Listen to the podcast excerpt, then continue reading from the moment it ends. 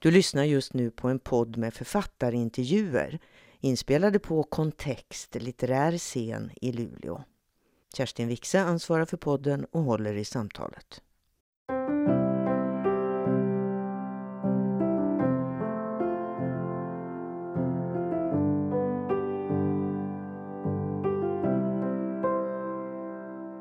Hej. Hej Christer. Hej. Roligt att du är här. Mm. Mm. Jag tänkte så här, kan vi låtsas att Hjalmar Söderberg finns med oss här på scenen lite grann? Är du bekväm med det eller är du lite rädd för honom fortfarande? Nej, det är jag inte. Jag behöver inte låtsas, att, för han är med mig numera hela tiden. Därför att det där är en sån, jag har ju spelat den här Dr. Glas nu i fem år med långa, långa, långa uppehåll. Men det är ju alltid så med roller och texter som man vet att man ska göra en gång till. Man kan aldrig släppa dem, utan de finns ju där hela tiden så att de ska kunna tas fram. Och Dr. Glas kan jag nästan vakna natten och citera tror jag. Om jag sätts under en viss press.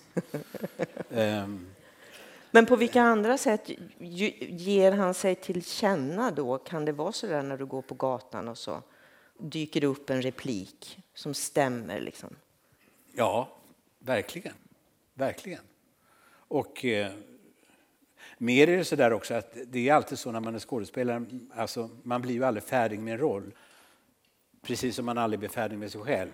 Och när man går så där eller när man funderar och så plötsligt dyker någon sån där replik upp och så tänker man, ja just det, det var ju det han menade. Det var inte alls som jag tänkte. Alltså, man hela tiden jobbar med det. det... Du blir aldrig klar? Liksom. Nej, man, man blir aldrig klar. Och den dag man blir klar med det, då är det fullständigt ointressant att hålla på med. Det, det, det är på något sätt så där, liksom, tycker med alla roller som är roliga att göra det finns en del roller som är väldigt tråkiga att göra därför man är, man är klar med dem från början. För det finns inte mer. Eh, det, det finns inte mer än det som står på något sätt. Men de där eh, riktigt braiga rollerna, det är sådär som ett eh, korsord. Alltså man kommer aldrig på sista bokstaven. Och så tror man, nej men våg. Nej det, nej, det går inte med G där, för då stämmer det inte där. Och, så man håller på så där hela tiden. Men du, Hjalmar Söderberg, då, när, Minns du när du... Jag menar, varför Hjalmar Söderberg? När greps du av honom, så att säga? När blev du fascinerad?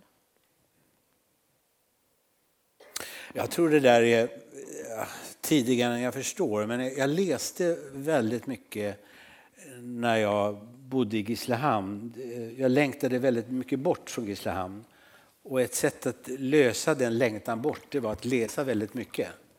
Och eh, då läste jag, jag kommer ihåg att jag läste Sandemose väldigt mycket.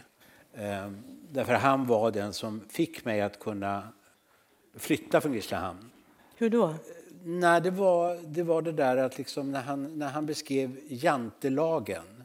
Du ska inte tro att du är något, du ska inte tro att du är för mer än andra. Då förstod jag vad det var som gjorde att Grisslehamn kändes så trångt för mig att den jantelagen fanns i Grisslehamn också. Och eh, då gav han mig en väldig styrka i det. Så jag tänkte, nej men jag är inte ensam om att känna så här. Det gör Sandemose också. Och därför kommer jag då att längta till en annan värld som slutade då på Dramaten kan man säga, eller Teatern i Stockholm. Vilket visade sig vara en ännu trängre värld. Och där jantelagen är ännu större än Grisslehamn. Så att jag är väldigt stort tack skyldig Grisslehamn därför att jag är helt vaccinerad mot den här jantelagen. Den biter inte på mig längre. Så att eh, jag hade ju hjälp av den i alla fall. Men i det där så fanns ju Hjalmar Söderberg Därför att det var en bok man läste, men det kanske, ja, i, i läroverket så läste man den boken. Och då var det den eh, allvarsamma leken. Och det var ju den här första också när man själv var den åldern, alltså den puberteten och kärleken och det skira och alltihopa och det språket. Och det fick mig att eh, verkligen läsa den boken. Men sen tog det väldigt lång tid. Um, och det tog, eh, då var jag väl ungefär 35-40 år. Då spelade Allan Edwall Dr. Glas på sin teater som var Brunnsgatan i Stockholm.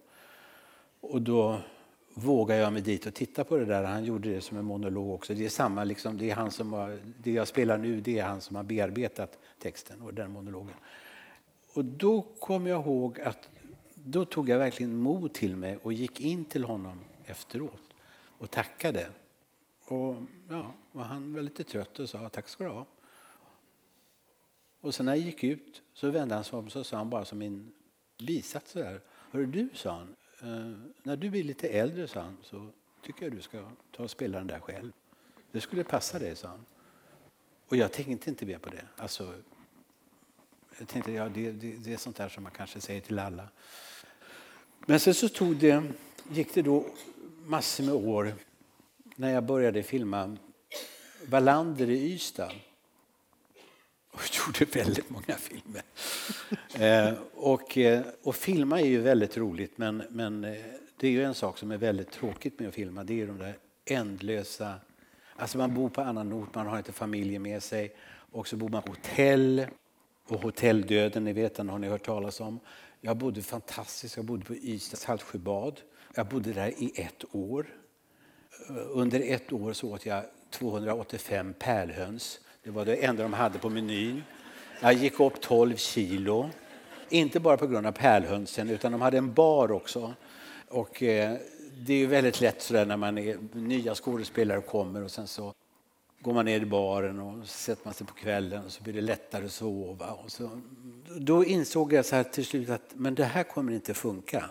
Det här kommer inte funka så lång tid. Om jag, om jag sitter i baren varenda kväll. Det, det kommer tog det ett år innan du... Vad sa du? Tog det ett år innan du Det tog ett det? år och en fru som sa till på skarpen. Och sen så när jag skulle fortsätta då filma ytterligare, då lovade jag mig själv, tänkte jag, men vad ska jag göra på kvällarna? Alltså, jag virkar inte, jag stickar inte, vad, vad, vad, ska jag göra?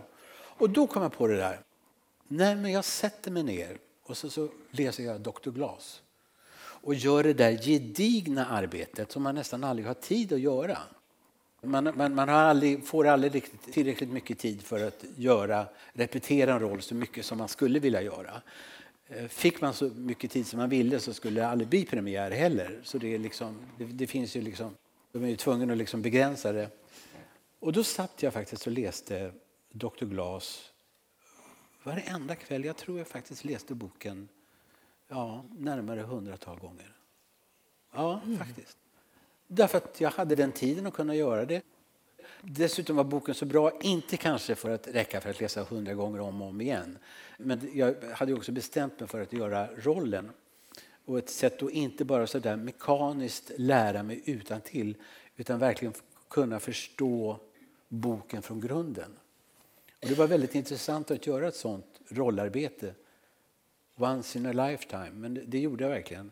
Så när jag hade premiär på den där så kändes det mer eller mindre som det egentligen alltid ska vara, att orden var mina. Det var jag som hade skrivit boken.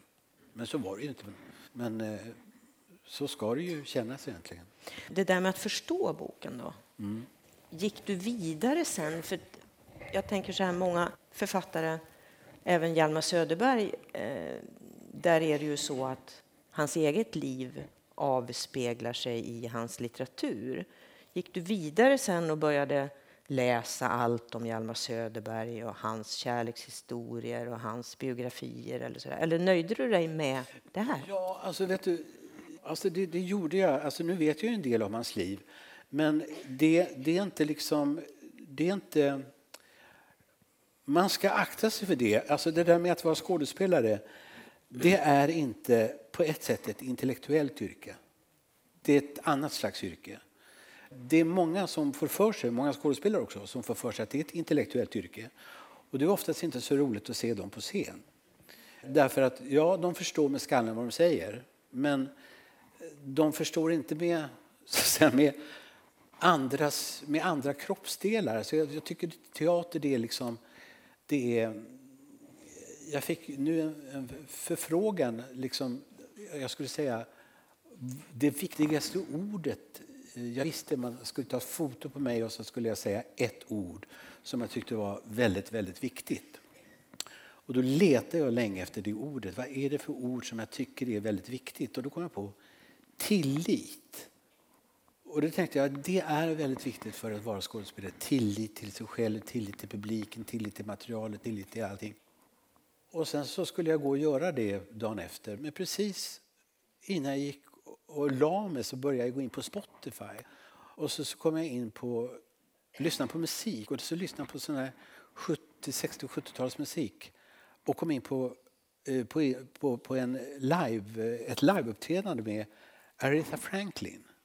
Och då tänkte jag men det där var vad jag lyssnade på väldigt mycket när jag var ung. Och så kom jag på ett uttryck som inte finns på svenska. Soul. Vi har själ, men vi har inte soul. Och det är väldigt synd. Därför att jag tycker att liksom skådespeleri är soul. Det är när du förstår någonting med fotsulorna. Det sitter i hela kroppen. Och det märkliga är att jag, eh, jag är gammal latinare, gick eh, latinlinjen och eh, har väldigt, väldigt lätt för att lära mig utan till. Tyvärr alldeles för lätt. För jag kan lära mig saker utan till som jag inte begriper. Och det ska man inte kunna. Man, man måste verkligen förstå det, alltså det, det innersta innersta. Och det är så typiskt på något sätt att jag avskyr själv det där att liksom engelskan, svenskarna har blivit så anglo... Anglofierat. Ja, just det. Men å andra sidan, för jag tänkte vi har ju sånt rikt språk. Men inte tillräckligt rikt för vi har inte soul. Och det tänker jag på ibland för jag tänkte nej det finns inte så många artister tycker jag som har soul. Så jag tänkte det när jag åkte ner idag. Vilka är det som har soul? För jag tänkte vi kommer komma in på det där. Vilka artister tycker jag har soul? Monica Zeta, soul. soul. Um, och det där, det, det där tar väldigt lång tid. Och jag vet jag vet när jag förstår. Jag vet, jag vet när jag förstår vad jag säger. Ingmar Bergman sa någon gång att ögonen är själens spegel. Och det stämmer inte tycker jag. För jag tycker att rösten är själens spegel. Du kan aldrig, du kan aldrig fuska med din röst. Du vet precis hur du mår när du vaknar och du hör dig själv prata. För då känner du så här, mm, nej, inte riktigt i mig själv. Nej, inte riktigt. Det är jag inte nu heller. Det hör jag på min röst. Nej, och det är självklart, det är första gången jag är här. Jag har aldrig träffat er förut. Men eh, när jag nu spelar Hjalmar Söderberg så kan jag känna på min röst. Min röst slappnar av. Jag känner att den är hemma. Mm. Den vill vara där. Den förstår det, vad jag säger. Men du, går det att beskriva? Alltså, du beskriver ju delvis nu då hur du kommer till en förståelse. Om vi tar Dr. Glas. Hur gör du för att förstå den texten på djupet? Hur gör man för att förstå en text på djupet? Hur använder du ditt eget liv då? Nej, men jag tror att man är väldigt, väldigt mycket tillsammans med det. Och sen är det också så att det som arbetar, alltså man kan arbeta med intellektet till en viss gräns. Men sen är det tiden som måste jobba åt den. Alltså, när du ska mogna så är det tiden. Du kan inte liksom säga så här att okay, då, nu ska jag lära mig den här texten på åtta veckor och då sitter jag tolv timmar varje dag. Och då, då kommer jag liksom hinna fram till liksom åtta veckor när premiären Nej, det går inte. Du vet i alla fall att nej, den matchen kan du aldrig vinna. Utan du, du kanske är klar med det när du har slutat spela det efter ett och ett halvt år. Så kan det kännas att men nu börjar jag hitta det. Så, så är det. Men det, det, jag kan inte säga riktigt. Det är en blandning av, det är en blandning av att, att man är med det hela tiden och då är det liksom, man tar med sig det i allting. Nästan i det mest vardagliga. En måltid eller? Ja, ja. precis. Men du, det, det, här med rösten, det är ju intressant Christer, för du var med en gång i ett program eh, som jag hade på radion som hette Sena skrönor. Och då berättade du en historia som handlade om rösten. Du behöver inte komma ihåg den, men det handlade om ett tillfälle när du var rätt ung skådespelare och eh, tappade rösten i en Per Ja, ja, ja, Gynt-uppsättning. den kommer jag ihåg. Ja, ja, ja, ja. Och- Och egentligen bestämde dig för att du inte skulle bli skådespelare. Ja, Och det hade ju med rösten att göra, ja, för den försvann. den försvann. Den ville inte vara med. Nej, den försvann. Och det var ingen som förstod varför den försvann. Alltså det där var ju väldigt märkligt. Ska jag dra hela? Nej, Nej, Nej men det var, alltså jag spelade, alltså historien och sånt, att jag spelade, jag, jag kom från Malmö scenskola och kom eh, till Stockholm och hade en väldigt tursam karriär. Många ville att jag skulle vara med i det ena och det andra och det fjärde. Och då spelade jag Per Gynt på Stockholms stadsteaters stora scen. Och det gick bra, det gick jättebra. Men plötsligt så blev det bara så där så att jag blev kavhes, jag kunde inte prata. Så jag fick bryta den ena föreställningen efter den andra. Och det blev väldigt många föreställningar jag fick bryta. Och sen så sa de på Stadsteatern att Nej, men nu får du ta tre veckors ledigt. Nu kan vi inte hålla på avbryta föreställningar hela tiden. Det blir väldigt tråkigt för folk också som kommer och säger ska man få se det ikväll nu eller ska man inte få se det ikväll? Och jag gick till läkare, jag gick till talpedagoger och det var ingen som förstod vad det var. Det, en del sa det och en del sa mykoplasma och en del skyllde på årstiden och den ena skyllde på det. Och, att jag rökte och eh, ja, det var det ena med fjärde. Jag kom tillbaka efter tre veckor och skulle spela igen. Och så mötte jag en kollega som sa, hur mår du? Ja, jättebra, sa jag. Ska du spela ikväll? Ja. Men så han, så, du, du är alldeles grön i ansiktet. Är jag, så jag grön i ansiktet. Så jag gick in och, på toaletten och tittade på mig själv och tänkte, men gode gud, är det där jag? När jag såg mig själv i spegeln. Och då förstod jag att jag var rädd. Och då gick jag in och spelade. Och så hade jag något sceneri. Jag stod så här och jag skulle gå så. Och så skulle jag springa upp till Anita Per Gynt och omfamna henne och, och så vidare. Men när, det intressanta var att när jag skulle lyfta det benet så kunde jag inte lyfta det. Det var för tungt. Jag fick inte upp det. Och jag blev inte rädd då, utan jag blev mer lättad. Jag tänkte så här, Åh, är det så här det känns? Ja, men det är ju inte så farligt. Och så tänkte jag så här, nästa tanke var, och ska jag dö på scen? Ja. ja. Så kommer jag inte ihåg någonting mer än att jag vaknade. Och så tittade jag ut så här. Och då såg det ut ungefär så här. Då satt det massor med... Så här satt folk och tittade. Vad är det som händer? Spelarna, vad är det här, vad är det här för föreställning? En läkare sprang upp på scen och frågade mig vad jag hette, vilket telefonnummer jag hade och alltihopa. Efteråt så visade det sig att han trodde att jag hade fått en hjärn, hjärnblödning för han tyckte det var samma symptom. Och då hamnade jag på Sofiahemmet. Och eh, de kunde inte förstå vad det var. Jag fick göra alla slags tester. De sa att du har värden som en idrottsman. Det är någonting som, ja, vi vet inte vad det är. Jag låg där en vecka. Sen efter en vecka så kom, kom läkaren in. Då kom det en hel flock så där. Alla vita kandidater och alla samlades runt sängen. Och jag tänkte, åh gud, nu ska jag få det där beskedet. Och eftersom jag kommer från en, som de flesta kommer från en väldigt cancerogen familj. Jag var väldigt med om många sådana här tragedier när jag var yngre. Det var många som dog i kräfta som det då hette. Så tänkte jag, ja, då är det det. Och det är det han ska säga nu. Och så bad han alla kandidater gå ut. För han sa, jag tror Christer och jag ska vara ensamma nu. Och så satte han sig ner på sängkanten. Och så sa han så här att, ja, sa han, med all min läkarerfarenhet så vet inte jag vad det här är. Men om det finns någonting som heter scenskräck eller scenångest så tror jag att det är det du har. Och när han sa det så blev det en väldigt märklig reaktion jag fick. Därför att jag kopplade inte här uppe, men min kropp förstod att det var sant. Och jag liksom fick ett sammanbrott som jag inte trodde var möjligt att man kunde få. Det var liksom, jag fick en gråt som var, gick, där kan man verkligen snacka om soul. Den gick genom hela kroppen, jag kände inte igen min röst. Och det var liksom som ur ögonen så kom det var. Och han ringde på en klocka och sjuksköterskorna kom in igen och sprang in. Och de stod i rondskålar så och bildade liksom så där kedja, så som under översvämningar. Va? Och han höll mig om huvudet och han sa, ja men det, det, det, det lugn, försökte lugna mig, försökte lugna mig alltihopa. Va? Och det lugnade sig efter ett tag och så sa han så här, du ska få en tablett och sen så imorgon så skriver vi ut det och alltihopa. Och sen så lugnade det sig lite grann. Och då tänkte jag bara en sån här underbar känsla. Jag tänkte så här, vad skönt. Vad skönt att jag slipper det här. Nu ska jag bli läkare.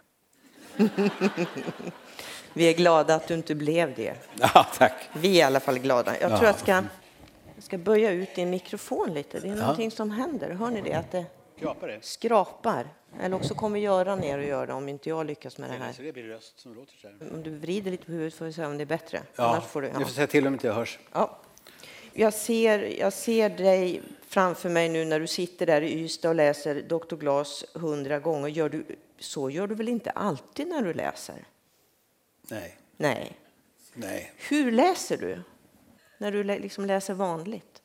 Varför läser du så att säga? Nej, men alltså, det, det, när, man var, när jag var liten så var det så där, liksom, läsa var ju någonting som, det var ett sätt att dra sig undan, det var ett sätt att eh, försöka maska, ett eh, sätt att, eh, ett sätt att vara lat. Det var, alltså, jag är uppvuxen, det låter som att jag har en vidrig uppväxt, men alltså, det, det, det var ett ganska representativt hem. Det var ett hem som, pappa var fiskare, Eh, alla var tvungna att slita för brödfödan. Det, fanns, det var inget fattigt hem, men det fanns inte så mycket pengar. Och eh, allt man skulle göra skulle vara matnyttigt. Och det tycker jag också, det har jag haft väldigt stor hjälp av. Jag tycker det mesta ska vara matnyttigt. Även teatern när jag spelar det så säger jag det ska måste vara matnyttigt. Folk måste kunna göra någonting med det. De måste ha användning för det när de går därifrån. Och det är mitt sätt att se på teater också. Att jag tycker det ska vara så. Så därför när jag läser så är det alltid någonting sånt där. Antingen läser jag i, i, på grund av mitt yrke, litteratur och när man läser Hjalmar Söderberg och man ska göra det man ska göra den pjäsen och så vidare. Va? Eller så också så är det så att jag, jag läser Ja, nu, förra veckan var jag på Las Palmas. Då, vad läste jag då? Jag, jag läste Knausgård. Varför gjorde jag det? Jo, därför det var, det var nödvändigt. För jag hade läst det i DN att eh, annars hänger man inte med. Och det är viktigt nu när man är 68 att du hänger med Christer. Så nu ska du läsa Knasgård. Och då, då sätter jag mig och läste Knasgård. Och ibland så tycker jag det är, ibland så, det är skälet till att jag faktiskt öppnar en bok. Och ibland blir jag då väldigt överraskad, precis som att jag eh, när jag går på Alltså så fungerar jag väldigt mycket. Jag går på konsert, jag går på teater för att jag måste. Eh, man måste hänga med, eller så måste man hänga med frun. Och sen så ibland så tycker jag, men gud vad bra det här är. Och då blir du lite Och då förvånad. blir jag jätteglad. Men du är liksom alltid ute efter något matnyttigt då i alla ja. fall? Ja, alltså jag är verkligen det. Jag, jag, jag är på det sättet, jag är på det sättet, på, där är, på det sättet är jag nog ganska ovanlig som skådespelare. Därför att jag är på något sätt en, som skådespelare, en företagarsjäl kan man säga. Jag tycker att det är, det här är diskussionen på Dramaten om, eh, om, om man spelar på, eh, låt oss säga lilla scen, eller ja, eh, stora scen. Stora scen tar in 800 39 stycken. Och då så säger de så här, men ska inte, ska inte du spela där på stora scen? Nej, säger jag, det, det, ska, det, ska, det ska jag inte göra. Varför då? Jag tror det det finns publikunderlag för det. 839 utsålda biljetter varenda kväll. Jag tror inte det finns det. Ja, men säger chefen, det behöver inte vara utsålt. Jo, är det 839 platser så ska de vara utsålda. Om vi inte tror det så kan vi spela det på Lejonkulan där det finns 35 platser. Då spelar vi det där. För jag tycker att alla platser ska vara utsålda. Annars ser jag det som ett misslyckande och eh, spolierade pengar. Och jag tycker så fortfarande, fast jag jobbar på subventionerad teater. Så då är du rätt nöjd med att det är utsålt? Här jag är jättenöjd med det. Jag hade blivit jättebesviken. De här extra stolarna hade ju inte behövts.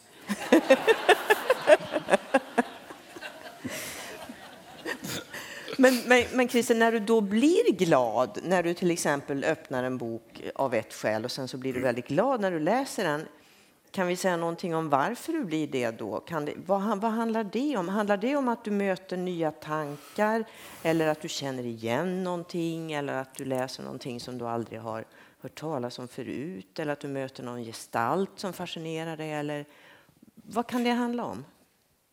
Jag kan nog jämföra alltså upplevelsen med en bok, eller jag kan ta in det tror jag, i musik också. För mig, många, många beskriver det som en uppåtkänsla, liksom. För mig är det tvärtom, det är ner. Jag var och jag är en väldigt duktig simmare, alltså jag är ett vattendjur. Och jag har alltid varit väldigt fascinerad och har även utövat djupdykning. För jag tycker det är en fantastisk känsla att stiga ner. Inte stiga upp, stiga ner. Komma djupt, djupt ner och uppleva tyngdlöshet och möta en helt ny värld. Det är jag fullständigt... Jag är lite, på den punkten lite suicidal kan man säga. Jag har en slags dödslängtan, det tror jag jag delar med många. Som inte har inte med depression att göra utan det har med en skönhetsupplevelse att göra. Jag kommer ihåg att när jag såg den här stora blå franska filmen, det var då jag slutade dyka, för jag tänkte jag kommer sluta där själv. En dag kommer jag bara kasta sugastaplar och säga jag fortsätter ner, jag fortsätter ner, jag vill djupare ner, jag vill djupare ner. Och jag tycker att läsa har den, har den effekten på mig. En känsla av att sjunka ner och bli alldeles tyngdlös och möta en ny värld.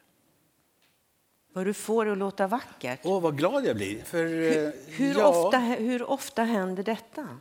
Några gånger under ett liv eller Nej. oftare än så? Nej, oftare händer det. Oftare händer det faktiskt. Jag har ju varit, jag har ju väldigt varit mycket i Thomas Tranströmers värld. Jag kan säga att jag läser väldigt, väldigt mycket poesi. Det gör jag inte, för det är jag inte så bra på. Men alltså Thomas Tranströmer till exempel tycker jag Kristina Lugn tycker jag också så. Alltså då, då kan jag få den där känslan att jag, jag, bara, jag bara vill djupare och djupare ner. Och jag blir bara lättare och lättare. Och gladare och gladare. Båda de du nämnde nu och Hjalmar Söderberg får vi väl säga. Mm. Det kretsar ju kring existensen. Det kretsar alltid kring, fast på olika sätt, kring de stora frågorna. Fast de turnerar dem på olika sätt. Det handlar Mm. om kärleken och Gud och sökandet och döden. Om vi nu sammanfattar väldigt grovt. Ja, livet ja. Det bästa jag är på det är att jag är ganska bra på att vara korkad. Och det är faktiskt en väldig talang.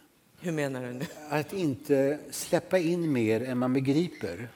Att inte, att inte göra sig till, skulle mamma sagt. Det sa hon alltid om människor som var lärda. Så de, de gör sig till så mycket. Men, men att eh, även där, alltså, jag, jag kan inte liksom, alltså jag, jag, kan inte säga så här att jag läser Hjalmar Söderberg därför att han löser existensens gåtor åt mig om, om Gud och alltihopa det där. Då kan jag säga att det är inte jag så intresserad av. Existensens gåtor. Jag tror att det är liksom Hjalmar Söderberg, det är någonting jag känner igen. Det är någonting jag kan eh, vila i. Det är någonting som är alldeles begripligt för mig. Det är någonting, jag tror att han formulerar någonting åt mig som jag inte förmår att formulera själv, men som jag vet. Men han ger det såna otroliga Ja, sån, sån, sån otrolig formulering. Jag har, jag har aldrig funderat på Hjalmar Söderbergs språk så mycket fast jag står och säger det på scen varenda kväll. Men jag fick anledning att göra det när jag, jag ska åka till London och spela Dr. Glass på West End. Vilket är naturligtvis liksom lite märkvärdigt så här. Ska en Hjalmar få stå och spela Dr. Glass på West End på en stor teater? Och, På svenska? På svenska. Men grejen var att eh, de här producenterna frågade i början, för jag, jag är ganska bra på engelska. Och eh, då sa de så här, de, de frågade då liksom, eller jag frågade kanske, jag, jag vill vara artig så där med, med engelska, så här, ska jag göra det på svenska eller ska jag göra det på engelska? Och då sa de så här, nej men vi är glada om du, om du, om du, gör, det på, om du gör det på svenska. Men om du vill så, ja, försök på engelska. Då anställde jag en coach. Tänkte ja, nej men alltså nu, nu ska jag vara riktigt duktig och ambitiös. Det här är once in a lifetime. Lär dig Hjalmar Söderberg på engelska. Och ägna ett år åt det. Och sen så får du se om du kan det eller inte. Då förstod jag vilket språk Hjalmar Söderberg hade. Och det gick ganska bra tills jag kom till... Jag såg ut över strömmen. I skymassorna över Rosenbad öppnades en ljus månbristning och det föll som ett blekt silver över gamla bondiska husets pelarfasad.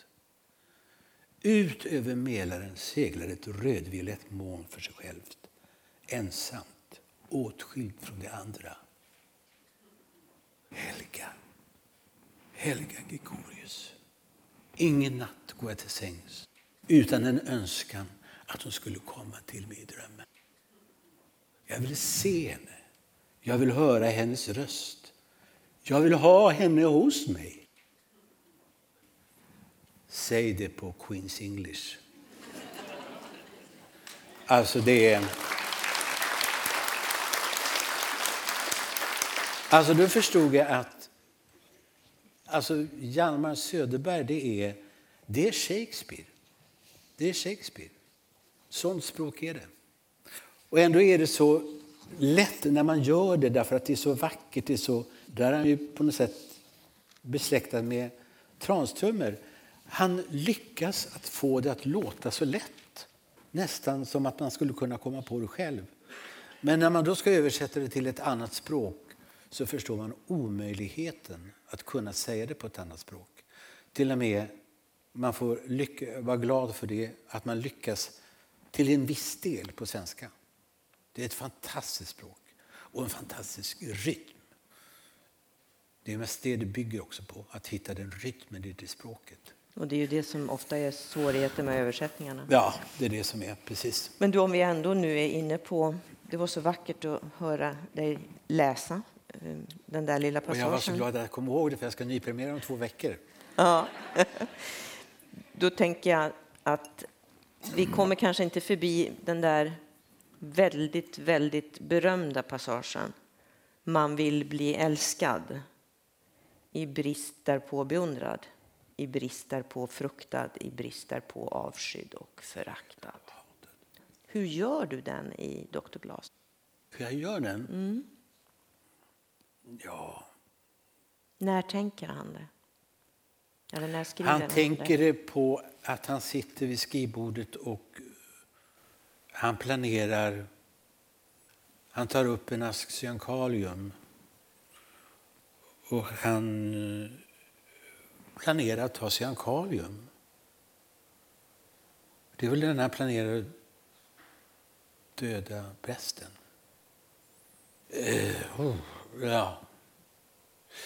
Men alltså, hur gör jag? Alltså, hemligheten är ju på ett sätt att det man förstår behöver man inte göra någonting av. Det behöver man bara säga. Jag läste när jag var väldigt, väldigt, när jag var väldigt, väldigt ung så läste jag en, av någon anledning så läste jag en självbiografi av Ingrid Bergman av alla. Jag hade aldrig varit intresserad av henne. Men alltså hon är ju fantastisk. Men, men då, då sa, hon var en väldigt praktisk skådespelerska. Och då så frågade de henne om någonting och sånt där. Hur gör du när du spelar? Och så sa han så här, nej men alltså jag spelar aldrig. Jag spelar bara när jag inte förstår, för då måste jag ju spela för annars ser folk att jag inte förstår. Mm, eh, och eh, det där har jag senare förstått. För jag tyckte, vad, vad säger hon för något? Senare har jag förstått, det där är ju alldeles sant. Egentligen är det så att ju mer jag förstår, ju mindre behöver jag spela. Jag spelar bara när jag är rädd att jag, att jag inte förstår. Eller, alltså, då får man ett behov av att spela.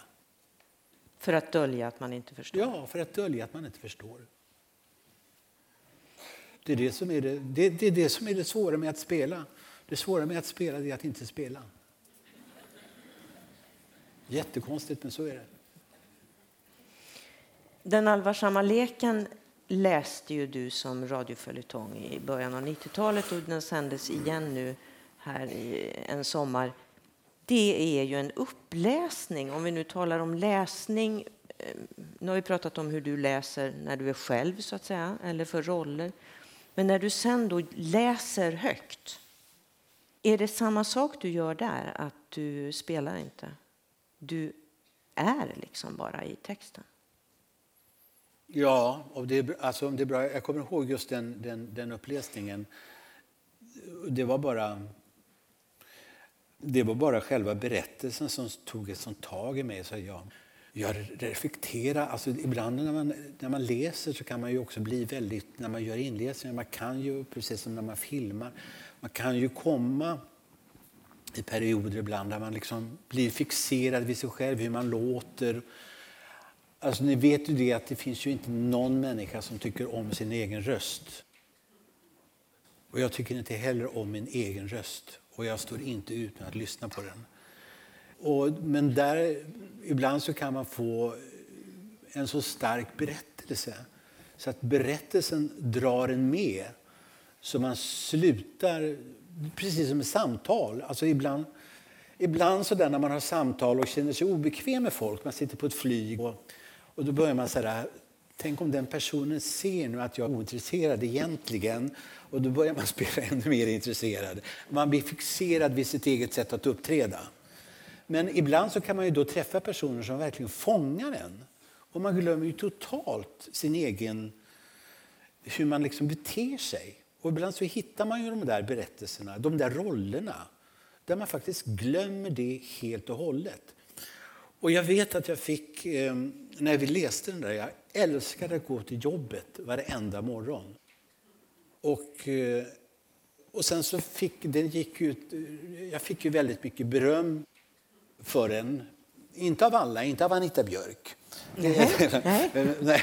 Men, eh, men många, man förstod att den hade många lyssnare. Så kom det ju priser. Och, och då tänkte jag, när det gick, för då fick man ju sådär brev och folk stannade och jag lyssnade på det där. Jag Tycker det var ja, mm, bra. Och då tänkte jag, men jag har ju inte lyssnat på den här någon gång. Och då tänkte jag så här, nej men nu ska jag lyssna på det. För du, det är 15 år sedan eller någonting sånt där, som, som jag gjorde. Så jag, jag, måste lyssna. Och då måste jag säga så här, jag lag mig ner på sängen och tänkte, nu ska jag lyssna. Och ja, när jag hade legat där 15 minuter, då kom jag på att jag lyssnade på mig själv. Och det var säkert på grund av att då var det någonting något i frånvaron när jag läste som gjorde att jag vaknade till. Och då tänkte jag, men de här 15 minuterna, de var bra. För jag glömde att det var jag som läste. Jag lyssnade bara på berättelsen. Och sen plötsligt efter en kvart så tänkte jag, jo men det är jag som läser. Och då tänkte jag, då gjorde jag något fel där. För annars hade jag inte, annars hade jag inte vaknat till så och tänkt så. Det bästa hade varit om hela halvtimmen hade varit så där. Och det var Christer Henriksson som läste. Och jag tänkte så här, åh! Men, eh, nej, men så är det. Så är det liksom. Och det, det var liksom... Det där är väldigt svårt att eh, veta vad det är. Alltså det är ju det där liksom närvaro, man kallar det för det. Alltså det där närvaro, vad är det? Det är där när en berättelse berättar något så, något så starkt så att man kommer väldigt nära sig själv. Det är faktiskt det som är närvaro. Det är att vara nära sig själv och kunna vara nära andra och lika nära sig själv i ett samtal. Det är det som är närvaro. Först ska man då gå en lång utbildning för att bli skådespelare och sen ska man ägna resten av livet åt att bli sig själv. Eller hur? Alltså, när jag kom in på scenskolan, jag hade inte sett mycket teater. Och jag kom in på scenskolan i Malmö, vilket var beskrivet som den bästa scenskolan och alltihopa. Jag kommer aldrig glömma den första lektionen där Andres Bläckte, den store pedagogen, sa han skulle berätta om det var att vara skådespelare. Och så säger han så här att det var den första lektionen vi hade, det var en introduktion till alltihopa. Och så, så här, och en, nu hade han en idiom pratat som, som jag inte kan härma, men han sa så här, det är bara en sak som är viktig. Man får aldrig ljuga. Och jag tänkte, va? Och sen sa han, och man måste vara på topp varenda kväll. Och då satt Örjan Ramberg framför mig, han var klasskompis. Och jag kommer ihåg att jag petade honom i ryggen och sa jobbar man varenda kväll? Jag visste inte till det. Jag hade inte tänkt på det att man skulle spela varenda kväll som skådespelare. Och att man aldrig fick ljuga. Men så är det ju faktiskt. att det är... Nej, men jag hade nog, det har tagit lång tid och jag är verkligen inte färdig på långa vägar. Det tar verkligen lång tid att inse att det är det där. Och det är ju så svårt att våga vara enkel när massor av människor sitter och tittar på. För det, det är ju bara Ja, det är väl bara barn och hundar som klarar det. Barn och hundar? Barn och hundar. Mm. Jag vet Lena, Lena Nyman, det, jag tycker är så underbart den historien. Lena Nyman var ju verkligen, verkligen en makalös skådespelerska. Hon hade ju, jag vet inte om ni kommer ihåg hunden Kaxe. Hon hade ju en hund med sig jämt. Ja. Och den där hunden var ju fullständigt, det var hennes stora, stora kärlek. Man får inte ha med sig hundar på Dramaten, men Lena Nyman, man gjorde ett undantag för Lena. Liksom låt tjejerna ha hunden med sig, men han får inte gå in på scen. Han får sitta ute i inspicientbåset. Och där satt Kaxi hela dagarna. Men klockan tre så slutar man repetera. Och klockan tre varenda dag när Lena slutade repetera, då kom Kaxi in på scen och hälsade på henne. Och så alla, alla sa så här, vilken pli du har på hunden. Hur fan kan hunden veta klockan är tre? Och då säger den så här, ja, men det vet han för han tycker jag är tillgjord hela tiden när jag repeterar. När jag slutar klockan tre och blir mig själv, då kommer han in för då känner han igen i rösten.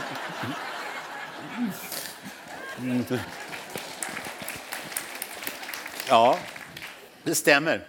Det stämmer. Jag vet att du har läst in eh, hela Marcel Proust. Nu är vi tillbaka på klassiker. Ja. På spaning efter den tid, tid som flytt. Som flytt ja. Mm. Det är ett imponerande projekt. Varför ville du göra det? Vad var det för djuphavsdykning som uppenbarade sig i den texten? Ja, alltså dels är det en klassiker, men dels så, så var och det nyttig, faktiskt, matnyttig. Matnyttig, och dels så var det en sån här gammal... Jag hörde en gammal historia om den innan jag läste den. Och det var, då ska jag inte nämna hennes namn, men det var också en skådespelerska som hade en, som hade en svår period i sitt liv som man kan ha. Och hon gick till uh, psykolog, till terapi. Och eh, den här terapeuten frågade då, ja, du verkar lite stressad, och, mm, kan du koppla av och hur gör du då? då? Och, och då fick hon sådär liksom eh, lite ovanliga tips när terapeuten hade sagt till henne så här. Jag tycker du ska försöka, röker du? Nej, sa hon, jag röker inte. Jag tycker du ska försöka börja röka lite grann. Och sa han så här, varför då? Jo, för, eh, liksom, för då måste du ändå ta ett halsblås. Du måste ändå ta in lite luft och man har en känsla av att du inte gör det. Sen, eh, är det någonting du tycker om? sa han. Ja, nej, men jag tycker om att läsa. sånt. Då tycker du du ska läsa Marcel Proust. Därför att om du läser Marcel Proust då måste du verkligen slappna av i skallen. Och det där kommer jag ihåg, därför att så är det. Därför att hans meningar är ju sådär, det börjar där och så pågår och så slutar det där. Och när man kommer där så är det liksom, men vad, vad var det det började någonstans? Och efter ett tag, när du slappnar av i skallen och liksom det där bara let go och liksom, du bryr dig, I couldn't care less. Det där när man liksom är verkligen avslappnad. Då kan du följa hela den där meningen när du slutar anstränga dig. Och då förstår du att nu är du avspänd. Nu är du avspänd. Och det var därför jag tänkte så här, men då ska jag börja med Marcel Proust och se om jag kan slappna av så mycket i skallen. Det kunde jag inte börja, men eh, det var en fröjd när jag kunde det på slutet. När man kunde börja där uppe och bara åka ner. Det var som att dyka igen. Alltså det, var, det var fantastiskt. För då, då får du en sån lätthet. Bortsett från att det är en fantastisk bok. Och sen var det också det där liksom alla hans lukter och minnen och alltihopa som är sådär madeleinekakan, ni vet den är klassisk. Men plötsligt är det också så att det var ju inte, det var ju inte bara, han är ju på franska landsbygden, men han öppnade dörrar till hela Grisslehamn. Jag kände lukten av eh, ål och såpa och, och dimma. Plötsligt kunde jag känna, när jag läste prov, dimma luktar, det har jag aldrig tänkt på. Men det var mycket dimma i Grisslehamn, så kom jag på precis hur den luktar också. Det skulle jag aldrig kunna beskriva, men Marcel Proust gör det i ett ögonblick. Han beskriver någonting, vad, vad dimma, hur det luktar. Han öppnade portarna till hela min barndom, på gott och ont. Då är det ju en sorts läsning också som... Alltså man brukar ju säga ibland att folk läser för att känna igen sig på något sätt. Eller att det är en starkt bidragande. Det kan du... Jo, men det sa jag alltså tidigare. Alltså, det är svårt att läsa någonting som man inte känner igen. För jag tror att på något sätt att det måste finnas där. Det är, någonting, det är någon som formulerar någonting åt en så man får tydligare tag i någonting. Men jag tror att det är jag tror, ja, man kan nog läsa egentligen för att få erfarenheter men jag tror för mig så är det väldigt viktigare för att få vissa erfarenheter formulerade som gör att jag läser. Men du, också den här, eh, du sa det själv, men Proust förknippar man ju mycket med en sorts långsamhet. Verkligen. Ja, ja, visst. Alltså, det finns någonting i avspänningen mm. och i långsamheten ja. som också öppnar för en förståelse som kanske är lite större än den ytliga. Ja, verkligen. Alltså, verkligen. Nej, och det, är liksom lite bristvara i vår tid. Nej, men läsa är ju meditation också. Du, då kan man ju tycka att det är ett långt steg mellan kommissarie Wallander och Marcel Proust. Tycker du det? Att det är det? Nej, kanske inte. Jag får nog ihop det. Men, eh, Hur får du ihop det? Jag kan ju inte säga att Wallander har så mycket gemensamt med Proust. Det är ju liksom kanske lite skilda världar. Men däremot så är ju... Alltså, grejen är, när jag pratar Wallander så pratar jag inte så mycket... Jag har inte sett filmerna. Då, då pratar jag ju mera om själva filmandet, själva den processen. Och den är ju väldigt, väldigt... Alltså jag njuter av... Jag, jag tittar nästan aldrig på det jag liksom gör själv på film. Men däremot så njuter jag av själva filmandet. För det är en slags... Med, om, man ska, om, man, om man ska fungera och filma, det är det där liksom 40 människor som sliter med kablar och springer omkring en.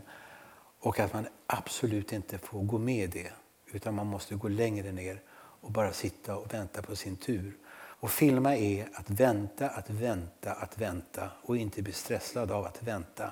Och sen när man ska in och göra det så måste man vara på tå i alla fall. Så filma är sån där, som en lång, det är som en lång meditation. Och det påminner mig väldigt mycket om eh, den upplevelsen hade jag som liten som jag kommer ihåg som den bästa upplevelsen än idag, tycker jag. Så här, det, det är att få ligga i ett rum och människor är där och jag behöver inte delta. Men deras röster finns hela tiden. Och jag kan lyssna på det jag behöver eller så behöver jag inte lyssna. Alltså, det är så trösterikt för mig. Och det älskar jag som liten, att ligga och lyssna på de vuxna som pratade till nere i köket och sen ibland så spetsar man öronen som en trött hund och som bara, nej det där var ingenting, jag släpper det. Och så också när man filmar, så här, umgås med massor med människor. Oftast när man träffas med massor med människor, då ska man alltid vara på, man ska vara 100 procent. Man går ut och man ska träffas, man ska äta middag. Och då ska man, liksom, man ska vara intresserad av andra. Och så här, alltså det, det är som att mingla.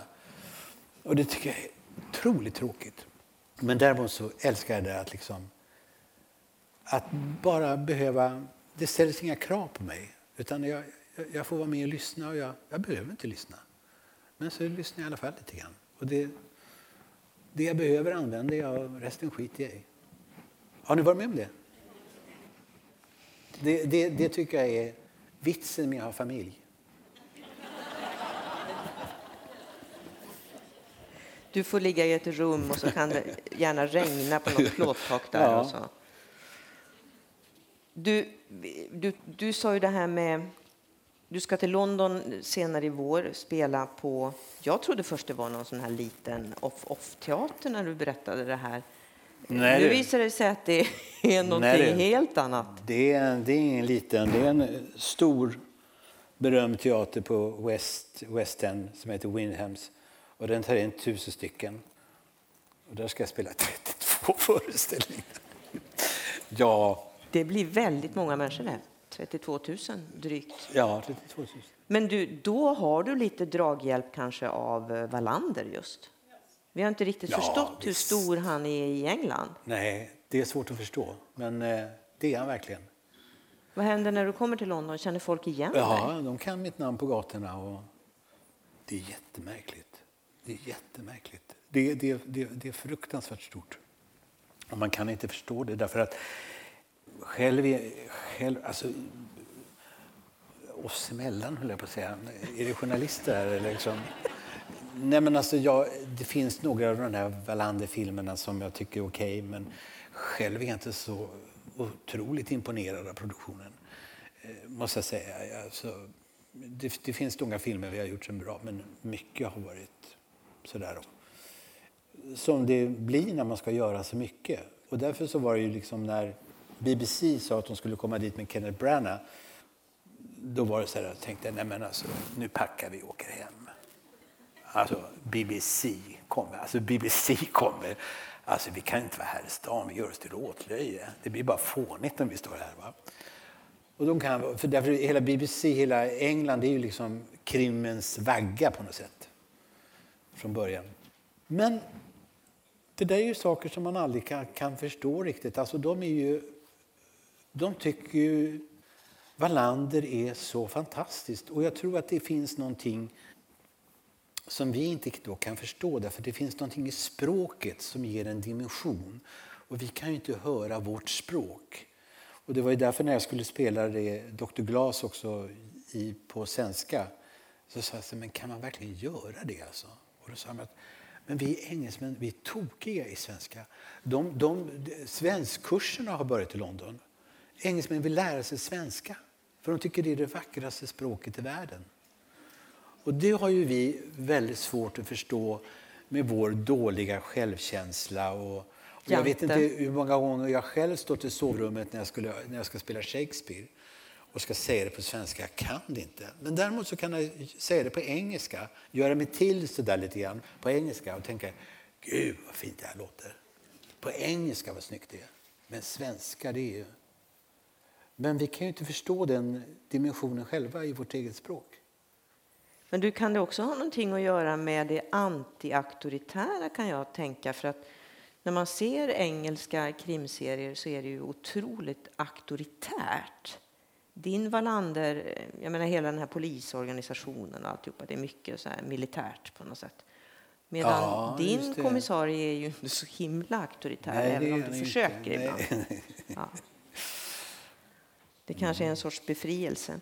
Men, du, men det är alltså Dr. Glas du ska spela. Nu är jag tillbaka hos Dr. Glas igen. Och det här med förståelse. Hans handling, det han gör så att säga, han dödar en annan människa. Apropå förståelse. Hur förstod du, hur kan man förstå den handlingen? Alltså du? inga problem. Jag måste säga inga problem med världen. Jag skulle kunna ta livet av en människa hur enkelt som helst. Jag skulle inte tveka. Jag blir alltid så förvånad. Därför grejen är som skådespelare, du får aldrig moralisera över en roll.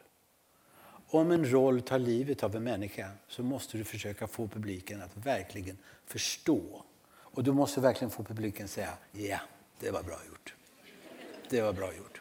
Så när jag jobbar, det är där vi kommer in med intellektet igen. När jag jobbar med en roll, jag har läst alla analyser om Dr. Glas, denna övermänniska, denna det och det och det. Och därför kan inte jag läsa så mycket sånt där, för jag tänkte, nej det där är inte för mig som skådespelare. Det där är en analys. Min grej som skådespelare det är inte att analysera, min grej är att förstå rollen. Så jag förstår så väl varför eh, Tycho Gabriel Glas tar livet av den där vidriga Gregorius som våldtar sin fru i sängen. Jag har inga problem med att förstå det. Mitt största problem det har jag förstått när jag spelar rollen. Och så kommer man ut efteråt och så, har man publik där, och vänner där och så här, så här, så här. ja det var bra. Så här. Men vilken jävla osympatisk kille. Och då tänker jag, så här, men vad menar du? Nej men alltså, han, ja men vad fan skulle han göra?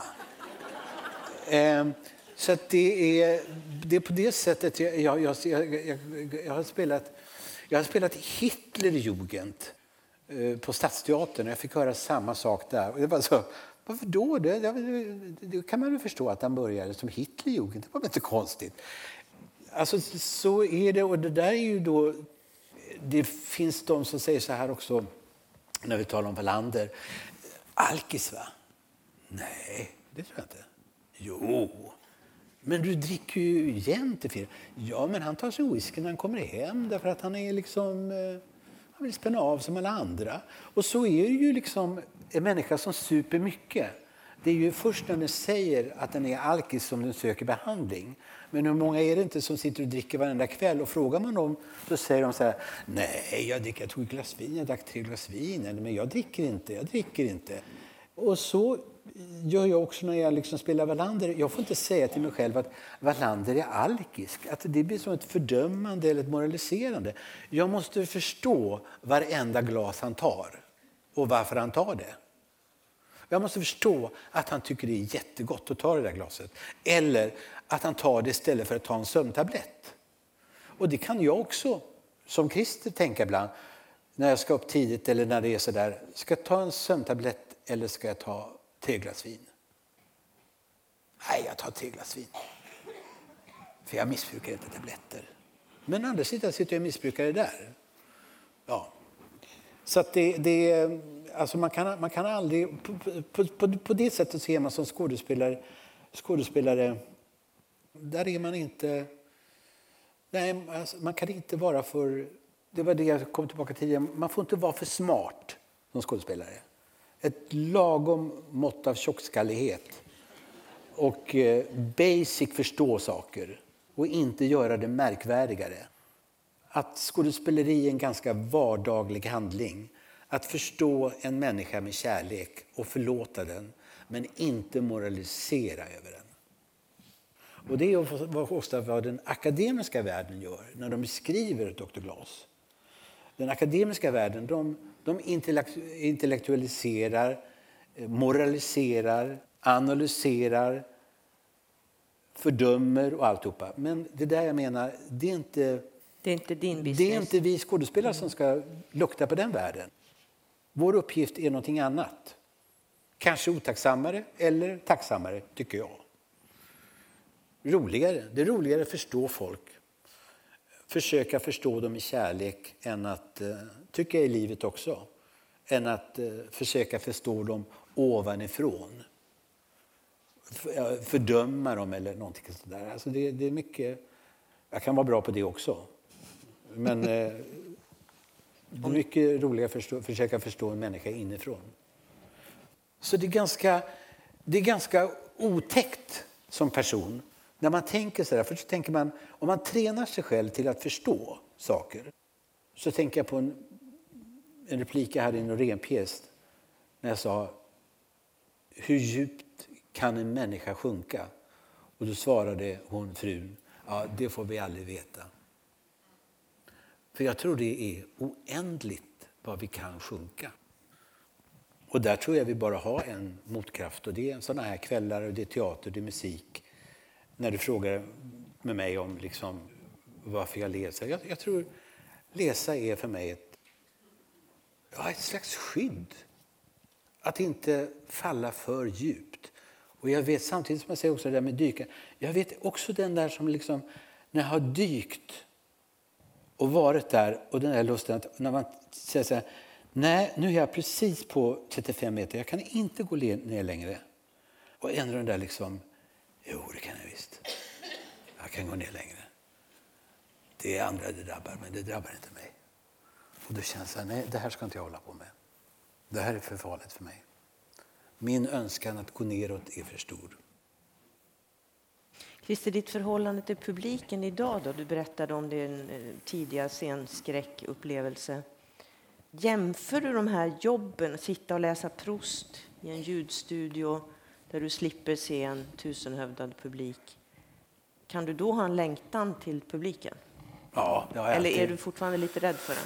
Nej. Nej. Nu, nu, nu, efter det att det hände så... Alltså man kommer till vissa stadier. Vi- Du och jag talar om mörkrädsla då. Eh, och det är samma sak där. Jag, jag, alltså, det finns mörkrädda människor, men jag tror att eh, vi talade om du och jag hade min närstående mamma som när min pappa dog, hon bodde ute i Grisslehamn och hemskt ödsligt. Och min farsa fick cancer och vi visste alla att han skulle dö. Och då sa min mamma bara bestämt på en sak. Ni vet, samma natt han dör så flyttar jag härifrån. Ni får ta hand om alltihopa. Jag tänker inte bo här en natt. Hon hade alltid varit mörkrädd. Syrran tog in henne till Stockholm. Samma natt han dog så satte hon sig i bilen. Nu måste jag bara iväg. Hon åkte in till Stockholm. Efter en vecka så ringde hon och sa så här. Här står jag inte ut, sa hon. Ja, men var ska du bo? Jag flyttar hem. Ja, men du är så mörkrädd. Ja, men det kan ju inte vara om man ska flytta hem. Då bor jag där. Så var det bara borta. Alltså rädslan, hon bara... Hon, hon behövde den inte längre. Ibland har vi rädslor som vi faktiskt tror att vi behöver. Och eh, det där med publiken är någonting som jag ibland kan tänka när jag spelar Dr. Glas, när man står så här på Dramaten. Eh, när man står så där ensam, man ska vara ensam på scenen en och en halv timme och det sitter 900 och då tänker man Oh. Och så kan tänka smyg så här, men är du rädd Christer? Och så säger så här, nej, jag är inte rädd. Jag har, hjärtat går, jag har, liksom, jag har lite adrenalin, men inte rädd. Och jag läste i samband med att min pappa dog så, och mamma planerade då den här stora flytten så sa hon också till oss barn, kom hem och ta det ni ska ha, för när han är borta så kommer det här gå fort. Och eh, jag kommer kasta allting. Och rädda det som räddas kan. Och jag hade massor med skolböcker och ja, så där, vad vill man ha med sig, vad vill man inte ha med sig. Så man skulle gå igenom det där också. Och då hittade jag en eh, röd konfirmationsbibel som man fick när man konfirmerade sig. Och jag konfirmerade mig, inte för att jag var så troende utan för att jag önskade mig en luftmadrass. Eh, och för man, man fick presenten när man konfirmerade sig. Eh, och sen kommer jag ihåg att prästen sa då, eh, alltså här, han sa när vi konfirmerade oss att han, han hade skrivit till varje konfirmand ett eh, slags personligt citat i Bibeln som man vid något tillfälle kunde ta fasta på och läsa och så vidare. Ja, det där läste jag ju aldrig förrän jag stod där när jag var, då, jag var 50 år när det här hände. Och då stod jag med den här röda konfirmationen och så kom jag ihåg det där. Just det, det ska vara ett bibelcitat. Och så tog jag, öppnade första sidan och så stod det Markus evangeliet, andra kapitlet, femtonde versen. Jag är inte riktigt säker på de siffrorna, men jag är säker på Markus evangeliet. Och så står det så här. Den som ger upp sitt liv ska vinna det. Och så tänkte, jag, visste han att jag skulle bli skådespelare? För det är precis det det är.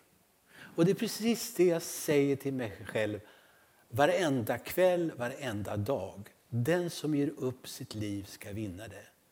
Det gäller på något sätt att liksom, när man spelar, jag tror det gäller i allting, att på något sätt inte ha några förhoppningar på sig själv. Våga sjunka, våga vara där och våga, våga, våga att inte vara duktig. Utan det är som det är. Och det kan gå till helvete och det är okej. Okay. Och det kan gå bra. Det är också okej. Okay. Men ingenting är bättre än det andra. Det viktiga är att du var där och var närvarande i det. Och då blir det oftast okej. Okay. Och jag tycker, jag ställer inte större krav på livet än att det är okej. Okej är jättebra. Christer, det finns ett område som, eh, det har jag läst, det har vi aldrig pratat om, att, att du faktiskt ibland eh, kan drömma om att själv skriva. Stämmer det eller är det bara en hemlis? Det stämmer så jädrans bra för när hon, vad heter hon som presenterade oss?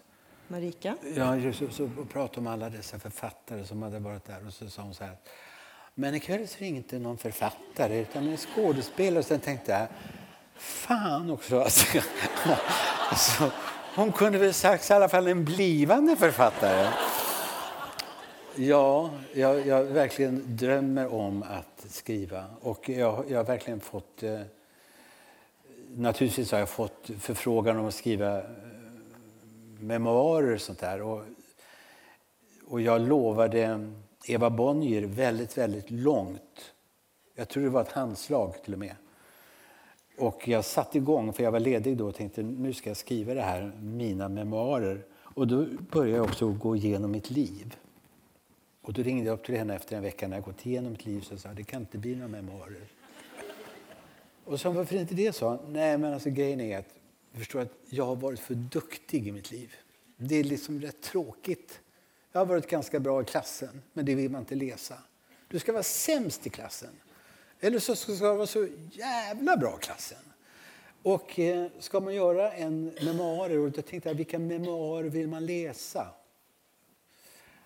Jag skulle vilja läsa, kom jag på då, jag skulle vilja läsa Lisbeth Palmes memoarer. Varför då? Därför att jag vet att hon aldrig kommer att skriva dem.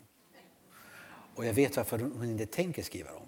Därför att det är den där natten när det hände. Det kan hon inte skriva om eller varför. Jag menar, jag, jag tycker det är fantastiskt att hon inte gör det, men oj vad jag skulle vilja läsa det. Sen skulle jag vilja läsa, tänkte jag så här, men vilka skådespelare då? Då, finns det såna, då fick jag en sån vision av mig själv att jag skulle bli sån skådespelare som Marlon Brando ni vet, som var så fruktansvärt bra. Och sen blev han så fruktansvärt fet. Jättetjock. Och bara åt och ställde upp i den ena gräsliga reklamfilmen efter den andra. Trots att han hade så jävla mycket pengar. Och sen lät han håret växa. Och alla bara tänkte, vad hände? Vad hände med honom? Och då skulle jag vilja komma så långt, jag skulle vilja att det hände något sånt i mitt liv. Så folk skulle säga, nej men det där skulle man vilja reda på. Vad var det som hände med honom? Men eh, jag är liksom på något sätt för, eh, jag är på något sätt, eh, jag tycker karriären, för det kan man kalla det för det jag gör, alltså en karriär. Jag tycker liksom på något sätt, men jag tror inte den är så, egentligen så intressant. Men någon gång så kommer du sitta i den där stolen som författare. Kommer jag här, skådespelare, ah, författaren, För, inte skådespelaren. Författaren. Författaren Christer Henriksson. Det ser vi fram emot. Är det, du, ska ju, du kommer säkert att regissera och göra såna här saker framöver också. Jag tror vi måste sluta här, Christer, men jag tänker du får komma på ett tips. Hur, gör man sorti, hur avslutar man en sån här kväll på ett värdigt sätt? Men har vi någon bra sortiplan här? Hur kliver man av en scen? Hur gör vi? jag, vet, jag vet Man kan göra som Carola på Skansen, man tar de där blommorna och bara kastar ut dem i publiken.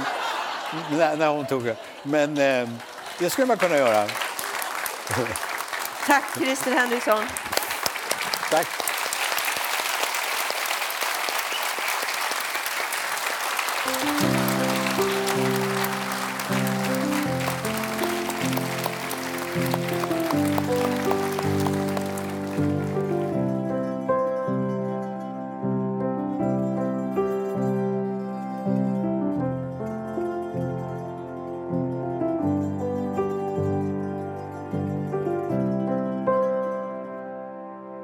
Kontextpodden produceras med stöd av Region Norrbotten och i samarbete med Kontext litterär scen i Luleå.